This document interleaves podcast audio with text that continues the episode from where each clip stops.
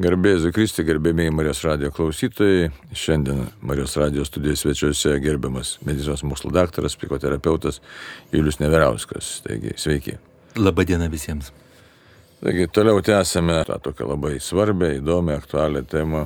Manau visiems kaip pažinti save, arba pirmiausia, ar verta pažinti save, kaip pažinti save, nes tai tokia labai plati tema ir ką reiškia tikrasis savęs pažinimas, arba dar galėtume sakyti, kas tai yra tikrasis mano portretas Na ir aš dar pridėčiau dabar, ką daryti savo pažinus tokia, jeigu apie ką kalbėti apie moralinį veidą, ką daryti pažinus savo tamsėje pusę, nes neretai mes išsigastame, kad štai aš galiu būti visoks, galiu būti ir niekšingas, niekingas, ir bailus, ir išdavikiškas. Jo lab, kad žvelgiam į šventąjį raštą ir kaip žiūrėkit, subyra iliuzijos apie save. Ir tokių labai autoritetingų asmenų tos iliuzijos. Šventasis apaštalas Petras, kuris sakė, štai Jėzau, aš eisiu su tavimi iki mirties, naisiu, numirsiu. A Jėzus pasižiūrėjo ir sakė, dar gaidžių nepragydus, tu tris kartus manęs įsiginsi ir taip ir įvyko. Jau nekalbant apie judą asmenį. Kita vertus, iš mūsų savotiškai Dievas, nu kaip duotybių duoda labai daug, bet ir įpareigojimą tam tikrą duoda, bet tas įpareigojimas labai įdomus. Jis laikykis kažkokiu tai taisyklių, jų nėra labai daug iš tikrųjų. O visa kita būk savimi. Ir niekas mums negarantavo, kad neklysime. Ir dar jeigu apie šventą rašą šiek tiek užsimintai, prisiminkim, kaip pavyzdys, ne, Jozuės knygos pradžia, ką sako Jozuė Dievas. Sako, būk tvirtas, būk stiprus. Viskas. Būk savo įsitikinimuose, ištikimybė į Dievą iš tikrųjų. Ir tą patį sako, jeigu dar kaip pavyzdys, čia labai daug galima prinkti, pavyzdžiui, bet aš jau, kad neišsiplėsti. Ir tą patį sako pranašai Jeremijui, sako, irgi savo liūdėmė, savo įsitikinimuose būk tvirtas. Ir toliau sako, jau gyven gyvenimą. Tame kontekste, žiūrėkit, tai kaip čia dar mums susidėstyti, kiek įmanoma žmogus susidėstyti. Iškėliau tokias na, mintis, o ką mes čia galėtume pamatyti. Labai geros mintis iš tikrųjų, nes mes esam labai prieštaringos būtybės ir prieštaringos, nu aš dabar man ateina galva trys aspektai. Tai vienas aspektas yra tai, kad mes turim savo biologiją ir mes turim savo instinktus jau, jau mano minėtus. Taip, tai labai aiškus instinktas, išlikimo instinktas, instinktas labai stiprus dauginimos instinktas, labai stiprus mhm. ir kartais desnis už, už mirties baimę. Ir mes žinom, kad yra daug gyvūnų rūšių, kur pasidauginę patinėliai jie žūsta arba jie yra nužudomi. Ir kartais ir žmonės elgesi irgi taip. Tai tai būtų instinktai mūsų. Antras dalykas, mes turim tokį prieštaravimą tarp savo kūno ir savo psichologijos. Irgi galim sakyti, toks savotiškas ir konfliktas yra. Ir mes psichoterapijoje siekiame harmonijos. Ir dar yra vienas ypatingas toks prieštaravimas irgi tarp mūsų kaip individo ir mūsų poreikių, ir grupės. Ir jeigu mes norim gyventi harmoningą gyvenimą, bet iš tikrųjų harmoningą gyvenimą, arba siekti gyventi, nes mes niekad negalėsim gyventi tobulai harmoningo gyvenimo, mes tik galim eiti link jo arba siekti jo, taip? Tai tada mums reikia atrasti harmoningą buvimą, tarp buvimą savimi kaip individu ir mokėjimą pasirūpinti savo kūnu ir savo protu ir savo jausmais ir tarp mokėjimo būti grupės nariu. O tai reiškia eiti į kompromisus, kažką tai daryti ne savo, bet grupė ir taip toliau. Ir dar vienas aspektas, jau čia vat, iš šito tokio dvasinio konteksto, tai vat, yra mūsų dvasingumas, tai yra mokėjimas susijungti su tuo, kas yra daugiau negu mes. Ir mums šituose visuose prieštaravimuose, iš toj visoji košiai tenka manevruoti. Ir dėl to praktiškai idealaus buvimo ir negali būti, nes mes turim nuolat derinti, mes niekad negalim šimto procentų pasiekti. Ir kalbant apie įstatymus, kuriuos jūs šauniai minėjote, ir dešimt dievo įstatymų, ir kiti moraliniai imperatyvai, jų yra daug, tai jeigu pažiūrėti jų kilmę giliai, tai jų tikslas yra savotiškas mokyti būti sociumo nariais teisingais. Ne? Būti draugė. Ja. Taip, ir nepadaryti nieko to, kas mus įstums iš šito sociumo. Kitaip sakant, būti kartu į savimi, tai jie labai, galim sakyti, šviesiai ir teisingai veikia, būdami kaip kompasas mums, ko mes galim siekti.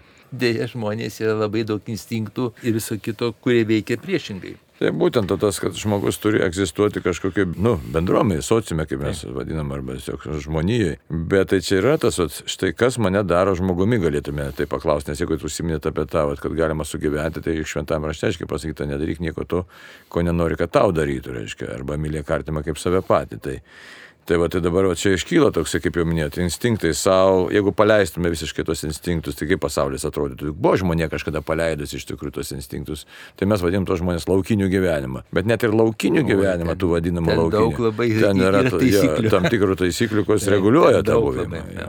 Taip, kad va, tas labai sudėtinga, kas žmogų daro žmogumi, koks tas žmogus turi būti ir kas aš esu. Nuostabus jūsų klausimas ir atsakymai, va, bent dabar man ateina galva du. Tai vienas atsakymas yra tai, kad žmogų daro žmogumi mūsų mąstymas ir laisva valia. Ji irgi ribota, irgi nešimtaprocentinė, bet mes galim sąmoningai stebėti tai, kas vyksta ir mes galim priimti dalinai laisvus sprendimus, dalinai laisvus sprendimus. Tai toks vienas aspektas. O kitas aspektas jau būdingas, aš manau, kad tik tai žmonėm, aš nežinau, kad dar kažkam tai būtų būdinga, mūsų gebėjimas ieškoti ir susijungti su tuo, kas yra daugiau negu mes. Būtent mūsų dvasingumas. Tai čia įeina, galim sakyti, ir prasmės ieškojimą galime mes pridėti ir taip toliau. Tai va šitie du aspektai mus daro žmogumi, nes mokėjimas būti sociume nedaro mūsų žmonėmis, nes pavyzdžiui, bitės arba skrūdėlė žymiai geriau veikia sociume negu kad žmonės. Taip. Mes įeinam į labai daug ir konfliktinių situacijų ir taip toliau, bet jeigu imti skrūdžių gyvenimą, ten viskas vyksta labai šauniai. Taigi, tas ribų pripažinimas nėra paprastas dalykas, tai dabar kaip man tą dvasingumą pamatyti ir kita vertus tas noras, tą laisvą valią dar, reiškia, irgi labai sunkus iš tikrųjų išreikšti būna todėl, kad ne tik mąstymas, jisai būna irgi ribotas ir kita vertus man labai įdomu, kad štai mes kreipiamės irgi pas psichoterapeutą dažnai dėl emocinių priežasčių, kad štai kažkokius tai įvykius išgyvenam, mes, nu tiesiog, vad, nemalonus įvykiai išgyvenam juos, nusproksta tiesiog vidus kažkodėl, tai, tai tas emocinis pasaulis įsigauna labai kartais didelį tokį svorį ir nežinau, kaip ten gyvūnų pasaulis, tom emocijom yra ar nėra, tai tos emocijos yra. kažkiek yra ten. Yra. Kažkiek yra ten. Jo, bet dabar žmogaus, o tai visoje tai mąstymas, tai yra protas, laisva valia, emocinis jūslinis tas ir jausminis pasaulis, dar yra jausminis pasaulis, ne? Dar dvasingumas yra, tai kaip visą tai susidėstyti, kad tu galėtum tiesiog ko sėkmybė būtų, ne? Ramybė turi tokia tikrumą, kad turėtų kažkokį tokį ir prasme, ir ramybę, ir tikrumą, ir to pačiu su kitais galėti būti. Na ir dar sąžinė yra. Taip. Kažką tai jinai kalba. Taip, taip. daug ką kalba. Nu, apie sąžinę tai čia atskiras visai dalykas, dar galim daryti, bet aš duosiu jums pavyzdį iš savo kalytės gyvenimo. Ji patyrė dabar operaciją ir iš tikrųjų skauda dabar. Ji netinkamai reaguoja, negeria, nevalgo dabar, užsidariusi, guliai. Nu, aiškiai matosi, kad kenčia. Aiškiai mhm. matosi. Bet ji turi milžinišką, mano nuomonę, trūkumą, palyginus su mumis, jinai negali pasakyti mum ir negali pasidalinti.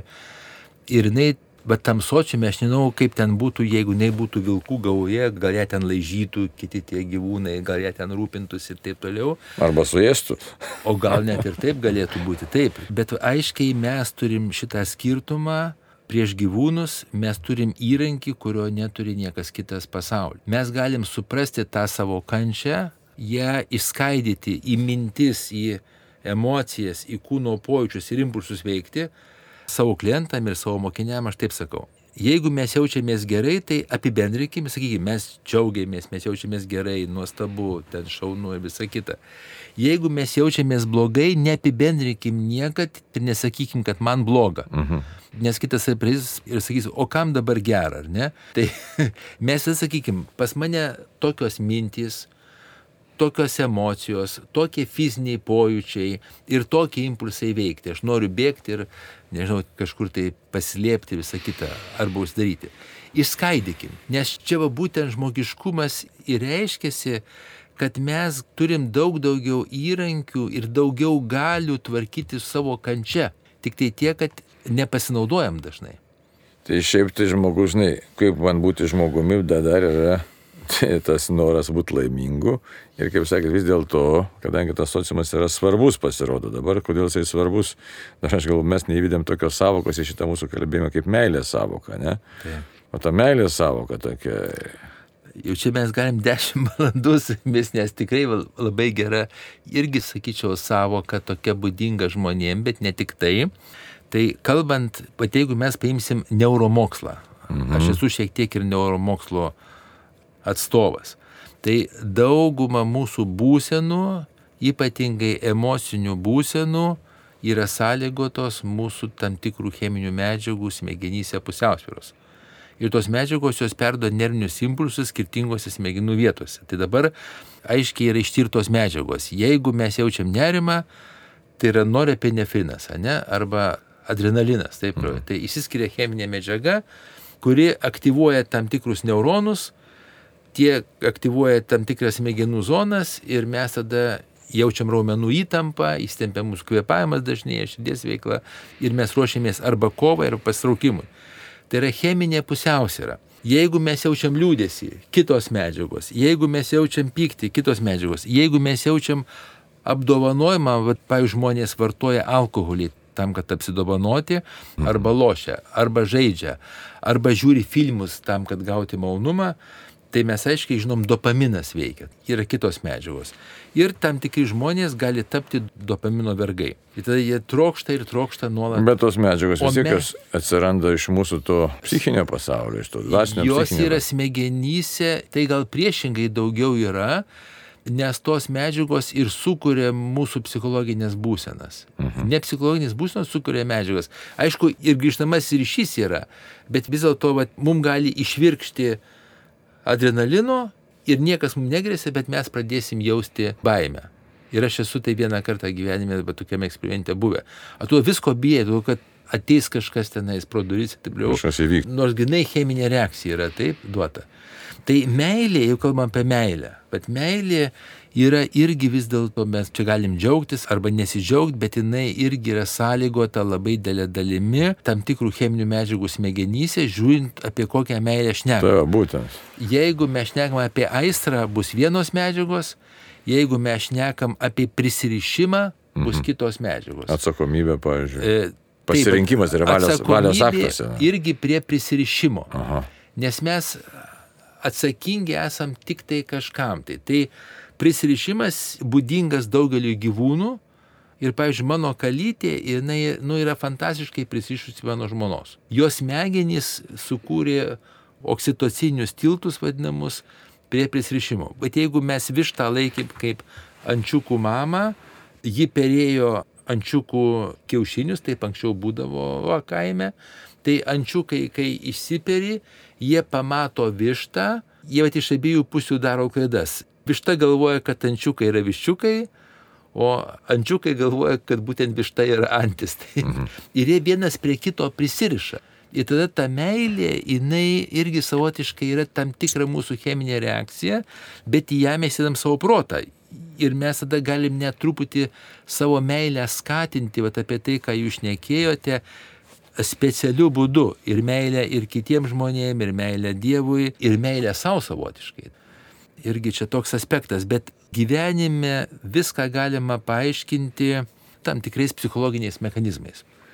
Tai va čia beskiriasi psichologiniai mechanizmai nuo to biologinio, nes vis tiek, reiškia, žmogus kažkaip jis sugeba, žiūrėkite, ir būdamas tam tikroj suspaudimo būsenai, kažkokiuose išbandymuose priimti tam tikrus sprendimus, kurie atrodo, pavyzdžiui, biologiškai net nenaudingi gali būti, ne? Taip, taip. net apribojantis ar ten net žudantis, pavyzdžiui, fronto atveju ir panašiai. Taip. taip, kad arba, sakysim, nerimo patirtis, kokios nors ilgesnės gali mums visiškai to nenorint pažadinti mumise tą adrenalino įsiskyrimą ir mes turime, sakysim, nerimo ten sindromą duoda. Arba atvirkščiai, sakysim, kažkokia džiugia aplinka ir mes kažkaip tai išmokstam. Tai čia įvairių dalykų yra, bet mes kalbam daugiau tai tokį tikrai savęs pažinimą, savęs kaip asmenybės portretą. Tai kaip čia. Tai viskas įeina į tai, viskas įeina įskaitant savo mokėjimo nerimauti ir valdyti nerimą, savo baimės reakcijų, savo pykčio reakcijų, savo liūdėsio reakcijų, savo meilės reakcijų. Viskas įeina į pažinimą ir dėl to tai nėra kažkoks toks paprastas, žinot,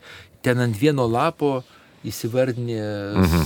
savo bruožų ir taip toliau. Nes būtent, atsiprašau, ir nori, žinai, kaip žmogui nu, dažnai sako, juk tai ne aš taip galvoju, arba aš nenoriu šito jausti, arba aš nenoriu taip elgtis, arba aš nenoriu jausis to potraukio, pavyzdžiui ar ten kažkokio neapykantos ar prisirišimo, aš, aš noriu būti laisvas, ne? aš jaučiu, kad tai nesu aš, nes jisai, sakysim, nerimo atveju, pažiūrėjau, nerimo sutrikimo atveju arba kokiu nors vėl kokiu nors priklausomybė atveju. Žmogus sako, aš nenoriu šito, aš, aš esu kažkas tai liktai ir kito. Ir dabar, tai kas aš esu, arba išdavystės, mano minėto, to Petro, apaštalo Petro atveju. Jisai Petras įsivaizdavo, kad štai jisai nu, yra atsakingas žmogus, mylintis žmogus, prisirišęs, ištikimas ir taip toliau. Ir staiga subirėjo visą tai. Labai davėte gerą pavyzdį apie Šventą Petrą ir palėtėt dar labai svarbę temą. Tai šiuo metu psichoterapijos mokslas akivaizdžiai teigia, kad mes neturim vienos savasties, kad jų yra dalys ir jos gali būti visiškai priešingos. Tai mes savotiškai šizofrenikai esame. Čia tai provokuoju, nu, bet... Nu, čia tokia provokacija. Šizofrenija, ta prasme, pagal žodžio etimologiją, kad suskilė. Yra net šizofrenija skilęs protas. Tai iš esmės yra tiesos, taip, kad mūsų protas ir mūsų savastys yra skirtingos. Ir dėl to mes kartais taip sakom, va tokį neteisingą dalyką, perženg save. Arba kaip jūs sakot, aš pats savo prieštuoju, bet aš jaučiu savo instinktą kažkokį, kuris prieštuoja mano vertybėm, bet va šitas instinktas man šiandien jisai lemia mano elgesį. Tai va iš tikrųjų va taip, kad viena mūsų savasties dalis jį būtent atstovauja instinktą tą, o kita savasties dalis atstovauja mūsų priešingas vertybės. Taip? Ir tos mūsų savasties dalys tarpusavį sąveikoja ir net konfliktuoja. Bet čia visiškai naujas dalykas yra, čia gal nuo 20 metų. Šitam yra psichoterapijos mokslui, nes kitaip negalima paaiškinti žmogaus. Nes pas mus tiek daug vidinių prieštarų, net tas pats žmogus, jis vieną kartą gali pasivaldyti, kaip ir šventas Petras. Žiūrint iš tokio psichologijos mokslo perspektyvos, tai pa šventą Petrą vakare vienas savastis veikia kaip pa žmogų, o kai atėjo tie kareiviai, veikia jau kitas savastis. Taip, bet dabar žmogų glumina tai. Savastis dalis. Įsivaizduoju, kaip glumina, aš pasirinku tam tikras moralinės vertybės, tą sociumo buvimą, aš angažuotas meilės ir staiga aš pamatau, kad aš esu, nu ką, nu, vat, toks. Įsivaizduoju, Ribose, ne kažkas. Tai. Įsivaizduoju, kaip glumina, bet duosiu pasiūlymą vieną. Na. Duosiu pasiūlymą, kad mes įsivaizduokim, kad mes ant palangės arba įvėję prisodinam visokių sieklų ir tokio augalų sėklų, ir tokio augalų sėklų, ir tokio augalų sėklų, ir pikžolių sėklos ten iš kažkur tai ateina. Klausimas toks, kurios sėklos auks geriausiai? Atsakymas, Kurio? kurias mes laistysim, taip? Tai jeigu mes laistom tą sveiką dalį savo savasties, tada šitos sėklos ir šitas augalas auks geriausiai. Ir šitos sėklos jos po truputį, po truputį laikas, nuo laiko jos, jos ims dominuoti o kitos sėklos ir kiti augalai jie nyks taip. Bet tam reikia nuolatinių pastangų ir nuolatinio darbo ir nuolatinio samoningumo ir nuolatinio savęs pažinimo. Tai tu ateini prie lysvės ir žiūri, ar tau šitas sėklas laidyti, ar šitas sėklas laidyti, ar šitas sėklas. Nes aš dabar galvoju, kodėl dabar mes kalbam apie savęs pažinimą, bet dabar žiūrėkit, save, pavyzdžiui, prisimenate, aiškiai, žinoma, arba šiaip paauglystės, visas tas vaikystės ir paauglystės, aiškiai, tas, nu, procesus, peripetijas ir ypatingai tą tokį atsakomingumo pasirinkimą, jausmą, čia kaip pavyzdys yra. Sakysim, užuojautos taip pat tą tokį buvimą, meilės užuojautos, to meilės ta prasme, kad kaip nu, buvimo su kitais ir supratimo. Tai žinom, kad štai vaikas kažkiek tai turi to, bet paauglys kažkodėl tai jisai mažiausiai turi empatijos, mažiausiai turi šito tokio supratimo, kas yra žmogus, jis savęs nesuvokia ir kito žmogaus nesuvokia. Ir žinom pasaulinę praktiką, štai patys baisiausiai kareiviai yra, jeigu paauglys patenka, gauna ginklą ir nužudo žmogų, čia ir Afrikos dabar yra Ten maždaug kažkokia statistika buvo, kad 200 tūkstančių maždaug karių, vaikų kariauja, paskui tą patį iš antro pasaulinio karo, žinau, patirtis, reiškia, psichologija, kad štai ir tie žmonės išlieka be galo žiaurūs iki gyvenimo pabaigos ir jie, jie tiesiog nesuvokia, kas aš esu ir kas yra žmogus. Tai kitaip tariant, apibendrinant, kad štai mes kažkodėl kažkodėl tai sakau, turim mokytis, mokytis užuojautos, mokytis būti ir nu, toks nustembi, kad galėjo būti kažkada, sakysim, ir atšiauresnis, aštresnis, staiga, na, dėl bendro gėrio ar tiesiog net, kad labiau tapčiau žmogumi, vis dėlto aš turiu kažkaip tai pamatyti, įsivardinti ir nueiti tam tikrą kelią. Yra mokslinis atsakymas į tą paauglių va, tokį pasirinkimą už tai, kad vaikas jis yra priklausomas nuo tėčio, mamos, jisai klauso, ką jie sako, ką jie daro, jisai vykdo įsakymus ir tai pristaiko. Suaugęs žmogus, jisai pats jau masto ir pats prieima sprendimus. O paauglys, jis yra perėjime iš tos būsnos, iš tą būseną ir pasi viskas yra tenais ir susipainioja, ir sumaišyta, ir tos dalys labai atskirai veikia. Ir vaikiškos dalys, ir suaugusio dalys, ir pats svarbiausia, kad nėra harmonijos tarp viso šito. Mhm. Ir jeigu jisai gauna ginklą, jisai pasijaučia suaugęs, o tai reiškia pasijaučia galintis, pasijaučia pranašesnis gal ir jeigu nušauna dar kitą žmogų arba daug žmonių, jisai pasijaučia galintis ir tada jos smegenys apsidovanoja va, tuo mano galybė dopaminu, mhm. Nes yra geras jausmas, kad aš kažką tai galiu. Bet tik tai blogas dalykas, kad va, tas, va, tas, tas jo galėjimas yra žudimas. Ir tada tas užsitvirtina jos smegenyse Ir jisai, kad jau baigęs šitas karas, jisai visą laiką jos smegenys siekia apdovanojimo šito galėjimas jam siejasi su ten mirtimi, žudimu ir taip, arba prievarta. Mhm. Ir taip toliau. Tai būtent jeigu sveika paauglystė, ji turi vykti esant dviem sąlygom. Vienos sąlygos, tai yra mes plečiam ribas ir mes vis daugiau tam savo vaikui leidžiam, bet kita sąlyga yra nuolat mes reflektuojam ir atspindim kokį mes elgesį jų palaikom, o kokį mes nepalaikom. Tada įsigauna moralinį ir vertybinį kompasą ir prisitaiko būti sveikų suaugusių, vadinamu tarp kitų sveikų suaugusių grupėje. Nu, gal galėtume, mes seną kartą kalbėjau, kad tokio nėra modelio, tai vis dėlto kas tas sveikas suaugęs galėtų būti. Sveikas suaugęs yra, arba taip mes sakom, sveikas suaugusio mūsų dalis, nes Idealiu atveju, tai jeigu mūsų jau kalendorinis amžius suaugęs, tai tada idealiu atveju mes turėtumėm funkcionuoti daugumą laiko sveiko saugusio režime. O ką tai reiškia sveiko saugusio režimas? Jis reiškia, jisai žmogus nuolat tengiasi pažinti savo poreikius, išmoksta pasirūpinti savo poreikiais, išmoksta būti kartu su kitais žmonėmis, rūpintis kitų žmonių poreikiais, išmoksta dirbti, išmoksta mylėti, išmoksta kurti kažkokį gėrį, išmoksta matyti prasme ir išmoksta nuolat vadovautis vertybiniais kompasais. Bet dalį laiko mes nebūnam šitoj situacijai. O ypatingai mums to sveiko suaugusio režimo prieikia, jeigu mes sudarim su iššūkiais. Tada ir išiškėja, juk daug yra tokių posakių, kad kai atsitinka kažkas, tada žmogus išiškėja kas jis taip, yra. Taip, taip, išbandymai. Taip. Tai vad būtent išbandymuose mes ir pasirodom, kiek mes esam brandus. Na ir ką dabar daryti, pamatai, atsitiko išbandymas kažkokia bėda ir tu matai, kad ir baimė įma ir taip toliau, ką dabar save teisti, graužti, niekinti, žeminti, ar tiesiog...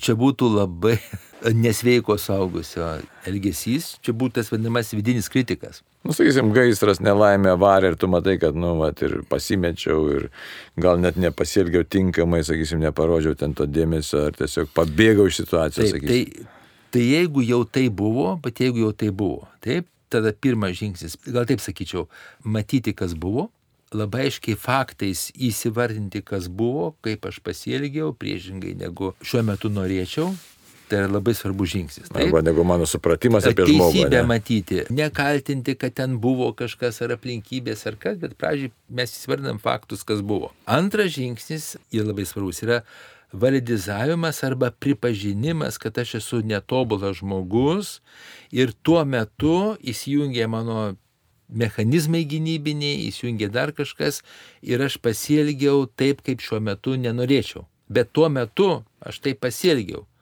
nes tai buvo pats pats geriausias mano pasielgimas tuo metu. Nu ir pamatai, kad esi niekšelis. Jeigu aš būčiau taip, tai va, tuo metu aš veikiau kaip niekšas, taip? Aš ir pripažįstu. Nu, tai, metu, o koks konfliktas viduj? Oho. Tai tada, žiūrėkit, tai tada mes einam prie trečio žingsnio. Kai mes pripažinom, kad tuo metu aš veikiau taip, tada aš savęs klausiu, kaip aš galiu šitą savo kaltę kažkokiais tais sveikais būdais išpirkti. Arba atlyginti, kiek man išeina žalą, kažkam tai. Arba padaryti gerą darbą kitiems žmonėms, jeigu jau ten tam neišina. Kažkokiu tai būdu kalties išpirkimas irgi gali būti labai svarbus. Dvasingumo religinių aspektų, be perspektyva irgi yra priemonių, kaip šitą atlikti. Taip, Taip. Taip.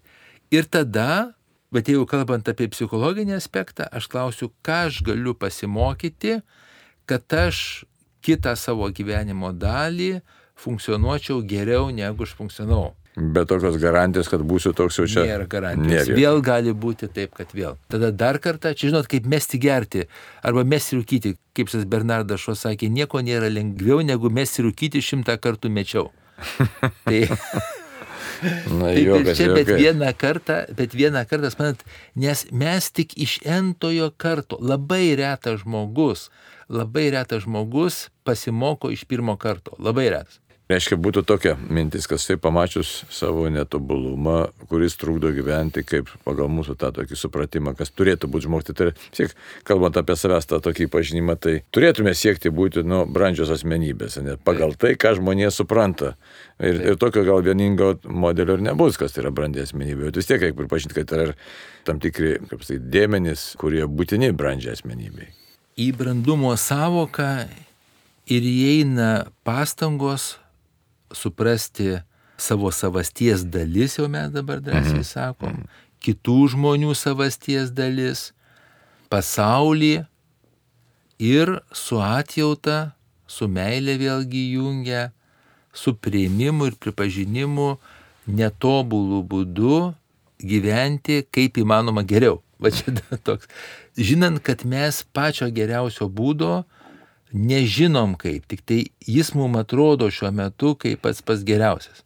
Bet tik šiuo metu. Nes mes nuolat keičiamės ir nuolat mokomės. Ir, pavyzdžiui, mes tą pačią laidą galbūt padarytume jau kitą dieną Kur kas geriau. kitą, aš nesu tikras, A, ne ar geriau. Aš nesu tik metu, kad mes visai šauniai čia dirbam, bet, bet, bet jau padarytum gal kitaip truputį, nes mes jau gavom patirtį čia ir mūsų klausytojai, aš irgi galvoju, kad jau net kitą laidą jie gali ir priimti ir išgirsti jau šiek tiek kitaip irgi. Nes mes nuolat mokomės, taip mūsų smegenys veikia. Tai pagal tą asmenybės struktūrą, tai reiškia valia, protas, jausmai, ne, tai visą tai kažkaip integruota, čia klasikinė tokia modelį, bet jis labai išsiplečia iš tikrųjų. Tai tas klasikinis modelis, kad tu tai... Oi, daug įeina, daug. Ir kūnas vaidina labai labai Tai va, svarbu vaidmenį. Kūnas įtakoja, žiūrėkite, jeigu mes esame išvargę fiziškai, Visai kitas tai ir mūsų valia veiks visiškai kitaip, Visiškai, ir mūsų jo. jausmai veiks kitaip. Jeigu mes palisėję, jeigu mes įsimiegoję, jeigu mes... Teigiamos jeigu emocijos, mes neigiamos, neįsimiegoję, jeigu mes, nu, čia net ir instinktų lygiai, bet jeigu mes esame pastenkinę savo, savo instinktus bazinius patenkinę, mūsų protas veiks vienu būdu, jeigu nepatenkinę kitų būdų. Labai mes netobuli, mėlyje, mes labai netobuli ir labai sudėtingi, bet mes turim vieną dovaną, ten tikrai gavę dovaną, mes turim ribotą galimybę ribotai save pažinti ir tyrinėti. Ir dar noriu pasakyti vieną žodį. Vietoj žodžio pažinti aš siūlau vartoti žodį tyrinėti, nes jis yra geresnis žodis šitoje vietoje. Ir aišku, Nes turim, mes niekad ne, nebaigsim šito. ir turim galimybę visą laiką visą gyvenimą mokytis. Taip, ir mokytis. Išsimokyti. Tai dabar mes kaip, aš ką darim pasakyti, kad tai žmogus yra ir kūnas, ir dvasinė būtis, tai čia irgi turim tą klasiką tokią. Tai tas prieštaravimas, antagonizmas vis dėlto dar kaip čia ne prieštaravimas, bet tam tikras vis tiek jis yra, nu ir mums reikia išmokti to būti. Mes gyvenam veikiant labai daug faktorių. Ir mūsų kūnas mums siunčia informaciją, ir mūsų pojūčiai, visi sensoriniai mums siunčia informaciją, mūsų prisiminimai mu- mums siunčia informaciją, bet apie tai dar mes irgi nekalbėjome. Nu, taip, nuolat nuolat kyla prisiminimai iš patirčių buvusių kartais prieš daugelį metų. Visokie kvapai mums siunčia informaciją, vaizdai, emocinis mūsų gyvenimas. Ir tam vat komplekse mes tą savo savastį, jie nuolat manevruojam ir tada atsiranda labai labai svarbus vienas komponentas, tai mūsų dėmesys. Nes nuo mūsų dėmesio priklauso mūsų daugas ir laimė, ir pasirinkimai, ir kas tik nori. Nežiūrėkit, mes galim atkreipti dėmesį šitam kambarį į tai, kas mums atrodo ten ir šaunu, ir gražu, o galim atkreipti dėmesį į tai, kas mums nepatinka. Taip? Kambarys yra vienas, taip, bet mes jau jausimės visiškai skirtingai, jeigu mes dėmesį nukreipim į vieną pusę arba kitą pusę. Arba pavyzdžiui, daug žmonių labai jaudinasi, kad jie kažko tai neturi ir kenčia dėl to, kad neturi, neturi ten, nežinau, kažko tai ir taip toliau skundžiasi visą kitą, bet šitie žmonės netkreipia dėmesį į tai, ką turi. Ir net, pažiūrėjau, jeigu tie žmonės serga, nu, darysim, sunkiai serga, onkologinė lyga arba kažkokia tai kita, tai jie irgi nukreipia dėmesį į tą savo vėžį bet netkreipia dėmesį į tą sveiką. Bet čia ne visi, čia, čia priklauso vėl nuo žmogaus asmenybės struktūros, irgi nuo tų praeitų patirčių ar dar kažko, tai mes jau žinom. Vienas sugeba, kaip jau kažkada kalbėjom, keliais vėžiais sirgdamas, dar darbuotis, sakysim, Petras Kimbrys, kuris vertė aistros įveikais vieną akim nematydamas ir su stomašonu ir nevaikščinamas vertė, o, sakykime, kitas žmogus įsipjauna pirštą ir jau jam tai yra baisi tragedija. Tai vėl pasirinkimo Taip. dalykas, tai Taip. vėl priklauso nuo to, kas manyje yra. Taip. Ir tada sakai savo, tai kas čia su manim dabar. Tai, aš tai dabar žiūriu į laikrodį, mūsų vėl laida besibaigianti, mes čia tų temų begalė. Paliekam ateičiai, iš tikrųjų norėtųsi dar pakalbėti apie tai, ko moko mūsų išbandymai. Sakytum, ateičiai, jeigu, žinai, klausytėm, galbūt tai bus irgi įdomu, jeigu tik atsiliepia ir kitas dalykas vis dėlto, kaip save pažinti ir visiškai nepalėti nelietėm tos minties, kaip ar išpažintys, ar, ar psichoterapeutas, ar tai dera, nedera kartu, tai čia palikim irgi ateičiai. Neatsakydami kol kas šiandien, o dabar kągi, laikas baigėsi. Tai ačiū gerbiamam Juliui. Ir... Nuošiai dėkoju, kurie klauso šito, girdi tai, ką mes kalbam ir savo pritaiko, ir stengiasi savo pritaikyti, ir nori gyventi geresnį gyvenimą tokiomis labai plačiomis prasmėmis. Tai ačiū Jums, dėkui. Baigiant mintis pagal katalikų bažnyčios katekizmą, kad, aiškiai, žmogus yra dvasinė būtis, bet nėra kūnė. Taip, kad mums bręsti iššūkių pakanka ir Dieve vesk mus iš tikrųjų tos brandos keliu. Ačiū visiems ir tam kartui sudė. Sudė.